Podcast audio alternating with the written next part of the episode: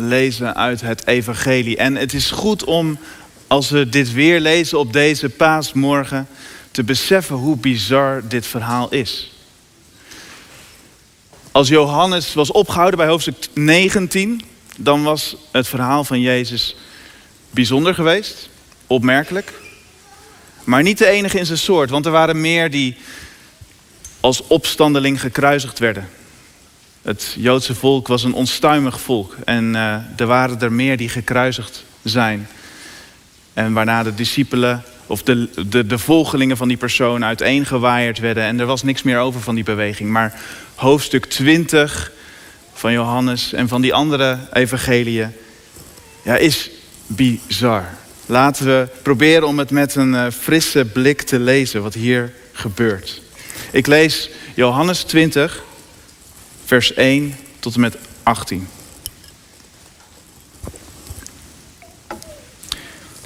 Vroeg op de eerste dag van de week, toen het nog donker was, kwam Maria uit Magdala bij het graf. Ze zag dat de steen van de opening van het graf was weggehaald.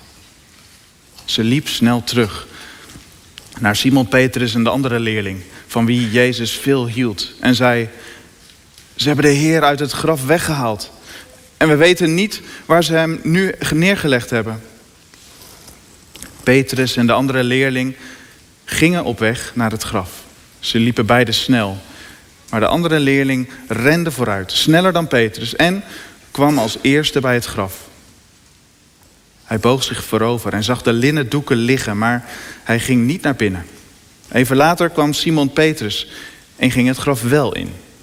Ook hij zag de linnen doeken. En hij zag dat de doeken die Jezus gezicht bedekt had, niet bij de andere doeken lagen, maar apart opgerold op een andere plek. Toen ging ook de andere leerling, die het eerst bij het graf gekomen was, het graf in. Hij zag het en geloofde. Want ze hadden uit de schrift nog niet begrepen dat hij uit de dood moest opstaan. De leerlingen gingen terug naar huis. Maar Maria stond nog bij het graf en huilde. Huilend boog ze zich naar het graf. En daar zag ze twee engelen in witte kleren zitten. En bij het hoofdeinde, bij het hoofdeinde één, of één bij het hoofdeinde en één bij het voeteind. Van de plek waar het lichaam van Jezus had gelegen. Waarom huil je? Vroegen ze. Haar. En ze zei, ze hebben mijn Heer weggehaald. En ik weet niet waar ze hem naartoe gebracht hebben. Na deze woorden keek ze om en zag ze Jezus staan. Maar ze wist niet dat het Jezus was. Waarom huil je? vroeg Jezus. Wie zoek je? Maria dacht dat het de tuinman was en zei: Als u hem hebt weggehaald, vertel me dan waar u hem hebt neergelegd. Dan kan ik hem meenemen. Jezus zei tegen haar: Maria. Ze draaide zich om en zei: Rabuni, dat betekent meester. Houd me niet vast, zei Jezus. Ik ben nog niet opgestegen naar de Vader. Ga naar mijn broeders en zusters en zeg tegen hen dat ik opstijg naar mijn Vader, die ook jullie Vader is. Naar mijn God, die ook jullie God is. Maria uit Magdala ging naar de leerlingen en zei tegen hen: Ik heb de Heer gezien. En ze vertelde alles wat hij tegen haar had gezegd. Tot zover woorden van God.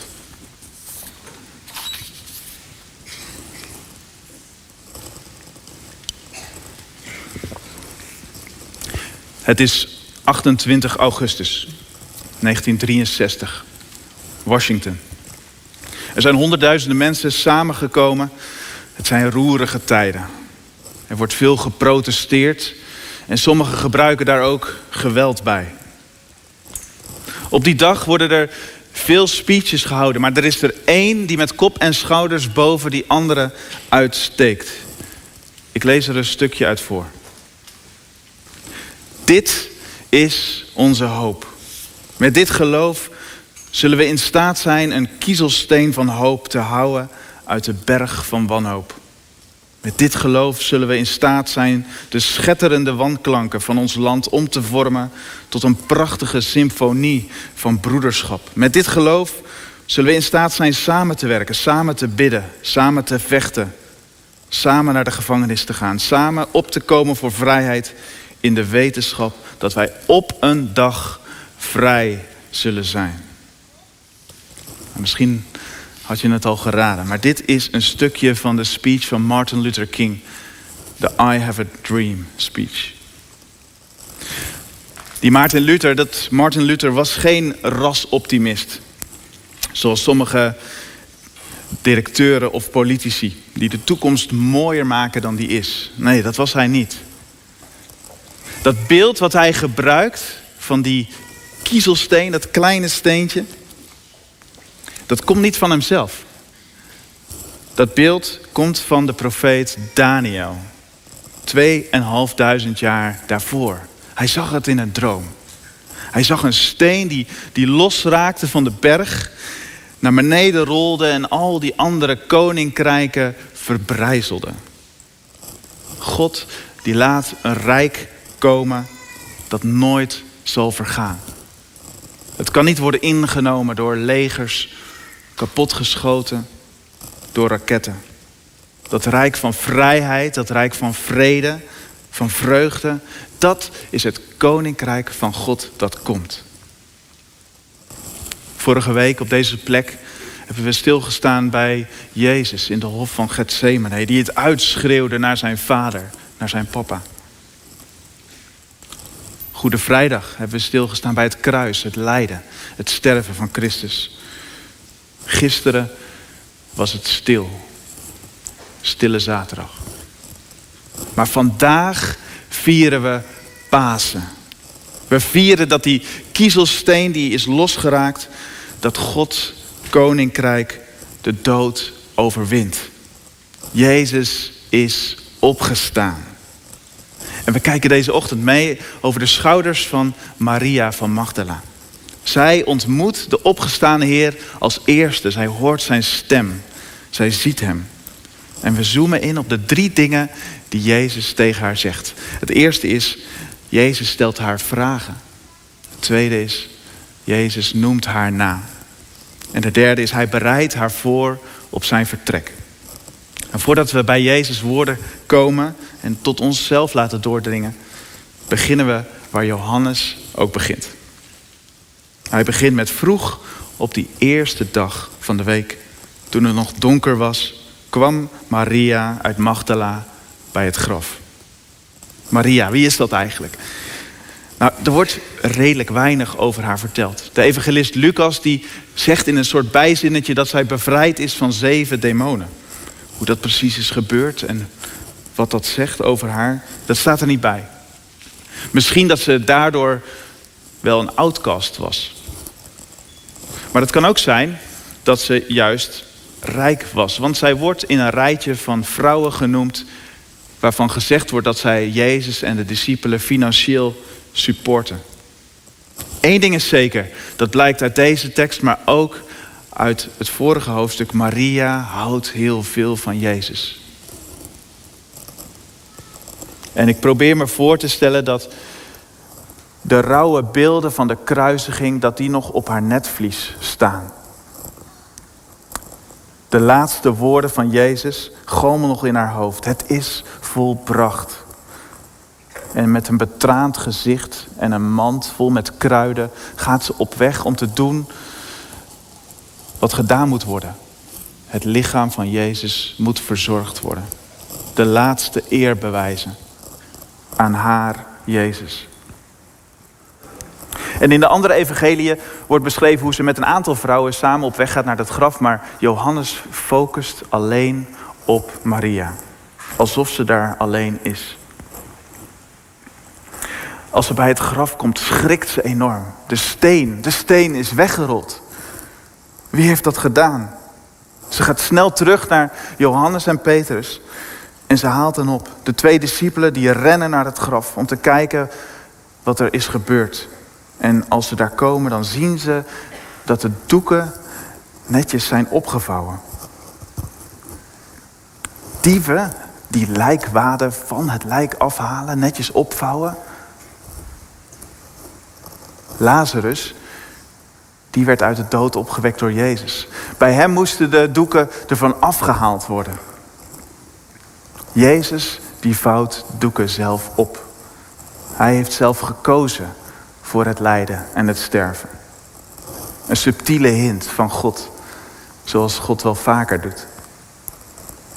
Petrus en Johannes die druipen weer af. Geloof en ongeloof, beide gaat door hen heen. En alsof de engelen daarop hebben gewacht, verschijnen ze dan aan Maria. De cirkel is dan rond.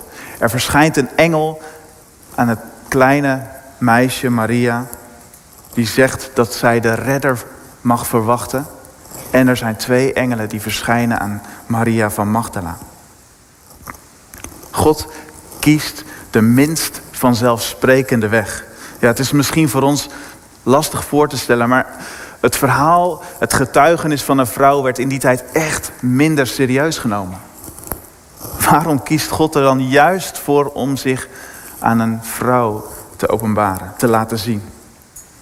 Het doet mij denken aan dat beroemde boek van uh, Tolkien in de ban van de ring, of de film Lord of the Rings. Daar kiest die, die tovenaar Gandalf, die kiest ook voor de minst vanzelfsprekende weg. Een kleine hobbit, zo'n gewoon klein mannetje. Die absoluut niet van avontuur, eh, voor avontuur uh, lijkt weggelegd te zijn. Hij vertrouwt Frodo, die kleine hobbit, de grootst denkbare missie toe. Een ring vernietigen op een hele gevaarlijke plek. En je hoort Gandalf twijfelen, maar toch doet hij het, want het moet zo zijn. En dan als Maria zich omdraait, staat ze oog in oog met Jezus. En dan komt de eerste van de drie woorden van Jezus. Hij stelt vragen. Waarom huil je? Wie zoek je? In die eerste tuin waar het allemaal begon, de Hof van Eden, waar geen dood was, daar keert de mens God de rug toe. Ze wijzen God af. En het eerste dat God ook daar doet, is de mens dan een vraag stellen. Waar ben je? En in deze tweede tuin, waar het graf staat, het graf van de Zoon van God, nadat voorbeeldfiguren en profeten zijn afgewezen of zelfs vermoord zijn, stuurt God zijn eigen zoon naar deze aarde. Hij kwam naar wat van hem was, staat er in Johannes 1. En doordat wij hem niet herkenden, niet wisten wie hij was, misschien ons betrapt voelen door de God die ons gemaakt heeft, kwaad werden, hebben we hem uiteindelijk gekruisigd, gedood. Het dramatische gevolg van die afwijzing van God die in de Hof van Ede begon. En in die tweede tuin, daar stelt Jezus weer een vraag. Waarom huil je? Die vraag die heeft iets naïefs, iets, iets kinderlijks bijna. Het doet mij denken aan uh, het moment dat Jezus de mensen die rouwen om de dochter van Jairus, die voor dat huis staan en allemaal aan het huilen zijn, vraagt hij ook aan hen: Waarom huilen jullie? Ze is niet overleden, ze slaapt. Ze lachen hem uit. Bizar. Hij snapt er niks van. Ziet hij dan die ellende niet? Het overlijden, de dood? Nee, het tegendeel is waar. En Jezus heeft dat lijden juist diep doorleefd. Maar de dood heeft hem niet in de macht gekregen. Het lijden heeft hem niet opgeslokt of bitter gemaakt, zoals dat bij ons wel kan gebeuren. Hij ziet al wat wij nog niet zien. Alles komt goed. Want het koninkrijk van God komt eraan. De De tweede vraag die Jezus stelt is, wie zoek je? Een indringende vraag. Maria die had niet door wie er voor haar stond. Ze zocht namelijk het gestorven lichaam van Jezus, het levenloze lichaam. En daarom herkent ze de opgestane Heer niet. Wat je zoekt bepaalt hoe je kijkt. Het wordt heel pijnlijk zichtbaar in de media, bijvoorbeeld. als je twee precies dezelfde foto's, het commentaar van de westerse media en de Russische media daaronder leest, dan is dat totaal verschillend. Ze zien hetzelfde, maar wat je zoekt bepaalt hoe je kijkt. En daar kan je makkelijk eh, op afgeven of makkelijk zien wat er niet klopt. Maar werkt dat bij ons ook niet zo, in het klein? Als ik een God zoek die ellende en narigheid bij mij weghoudt, als ik een God zoek die, die veilig en voorspelbaar is, als ik een God zoek die mij niet confronteert met mijzelf, als ik een God zoek die past in mijn voorstellingsvermogen. Als ik zo'n God zoek, zou het dan niet goed kunnen dat ik Hem juist niet herken in mijn leven. Want als ik een God zoek die er niet is, dan kan ik Hem ook niet herkennen.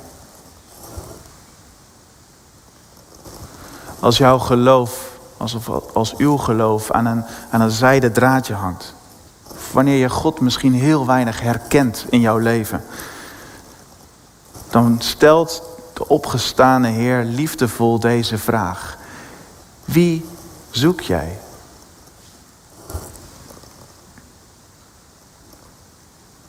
We zien dus dat Jezus allereerst vragen stelt aan Maria. En als tweede noemt hij haar naam. Het moment dat, dat Jezus die naam noemt, Maria zegt, ja, dat raakte mij het meest toen ik deze tekst weer opnieuw las. Probeer het je eens voor te stellen. Je loopt in de winkelstraat en je bent misschien een beetje in jezelf gekeerd. Je zit op je mobiel te kijken. Waar moet je naartoe of wat heb je nodig? En er stapt iemand op jou af. Je merkt die persoon in eerste instantie niet op. Maar pas als die persoon recht voor je staat, kijk je op. Je hoort je eigen naam. En in tweede instantie schiet er door je heen. Wacht, die stem herken ik. Dat is iemand van wie ik afscheid heb genomen. Ik was bij de begrafenis. En nu zie je ook in de ogen, in het gezicht, ja, dat, dat is hem of dat is haar. Nee, dat kan niet. Dat is onmogelijk. Wat een golf van emoties moet er dan door je heen zijn. Of moet er dan door je heen gaan op zo'n moment. Blijdschap, verdriet, ongeloof, hoop. Wat moet er door Maria heen zijn gegaan toen zij haar naam hoorde? Ik denk diepe ontroering. Gewoon een niet voor te stellen golf van emotie. Verandering. Van, van wanhoop naar hoop. Van diep verdriet naar blijdschap. Die ene uitspraak van Jezus, die ene naam. Ja, daar ligt alles besloten. Alles besloten wat er hierin staat. Wat er in de Bijbel staat. Het verhaal van God met mensen. De God die, die jou al kende voordat je geboren werd. De schepper van sterrenstelsels, van miljoenen sterren. De koning der koningen die op aarde kwam.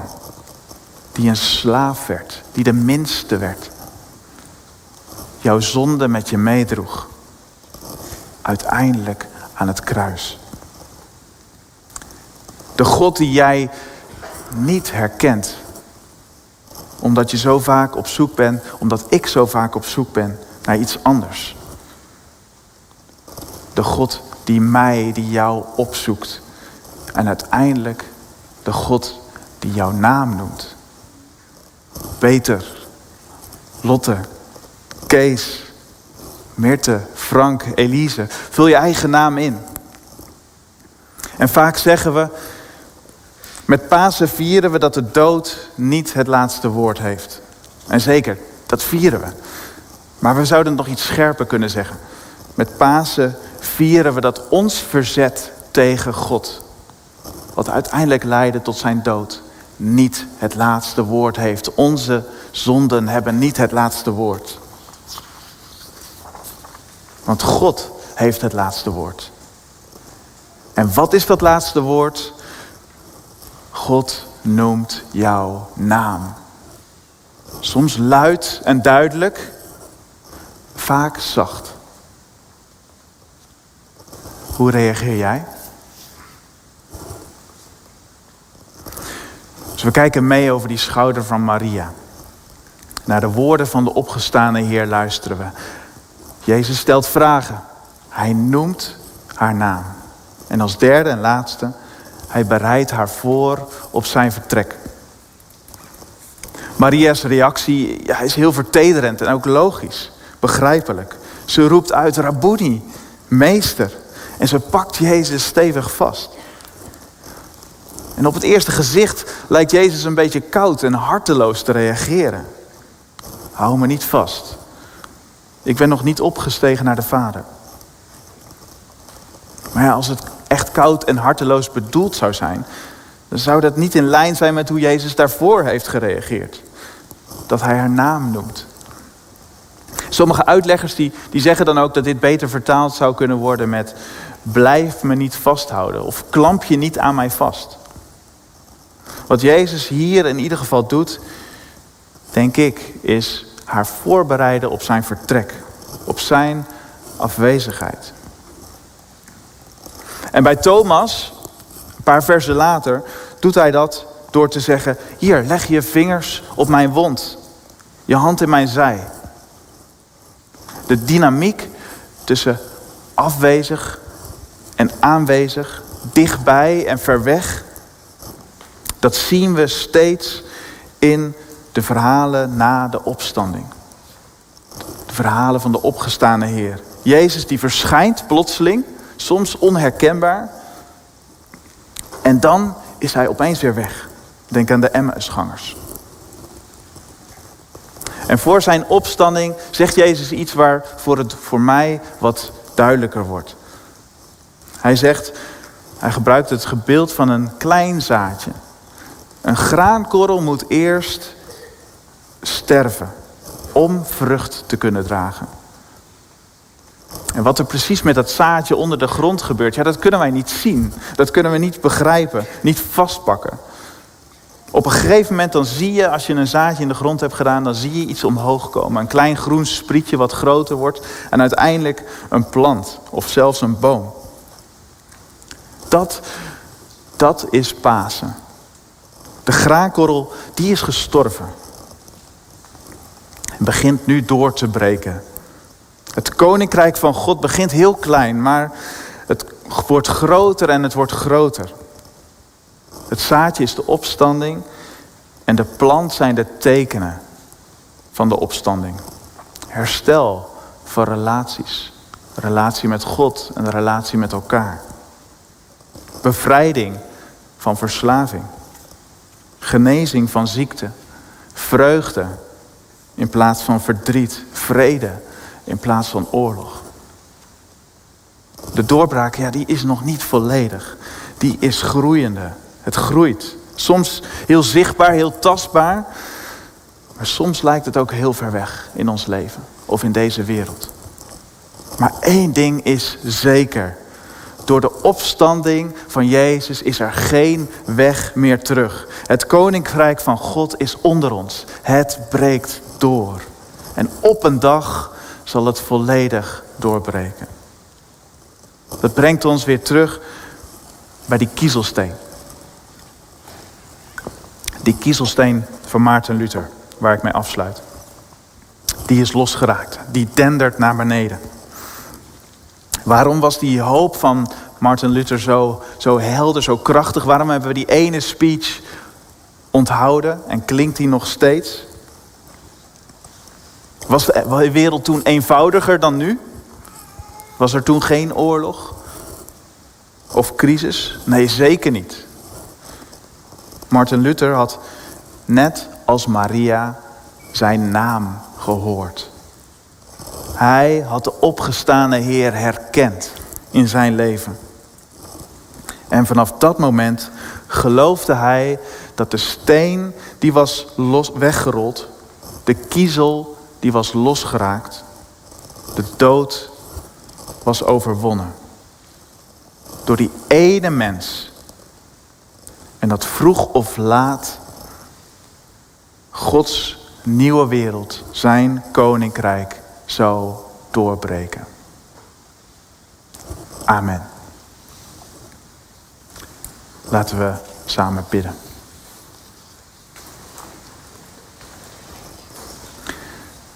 Opgestane Heer.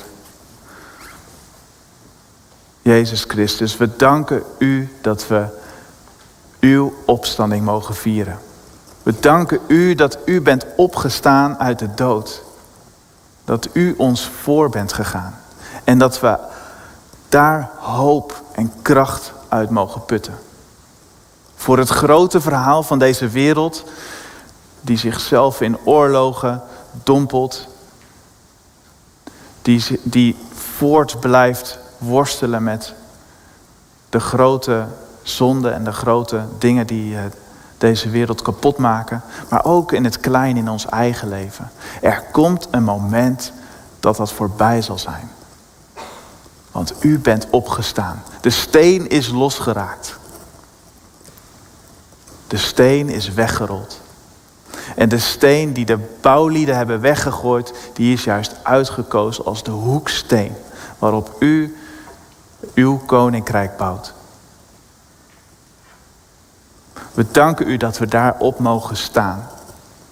We danken u dat we daar ook weer op een dag als vandaag op mogen terugvallen. Ja, daar, dat is ons fundament. Dat is ons geloof. Dat is onze hoop. Voor deze wereld en voor ons eigen leven. Heer, leer ons uw stem te verstaan. U roept ons bij naam, allemaal.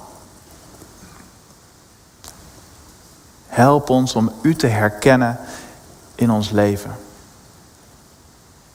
En ook die kracht van de opstanding, van de komst van uw koninkrijk toe te laten. In ons leven, in dat van ons gezin en in de plek waar u ons hebt gezonden. Heer, dat bidden we. In Jezus' naam. Amen.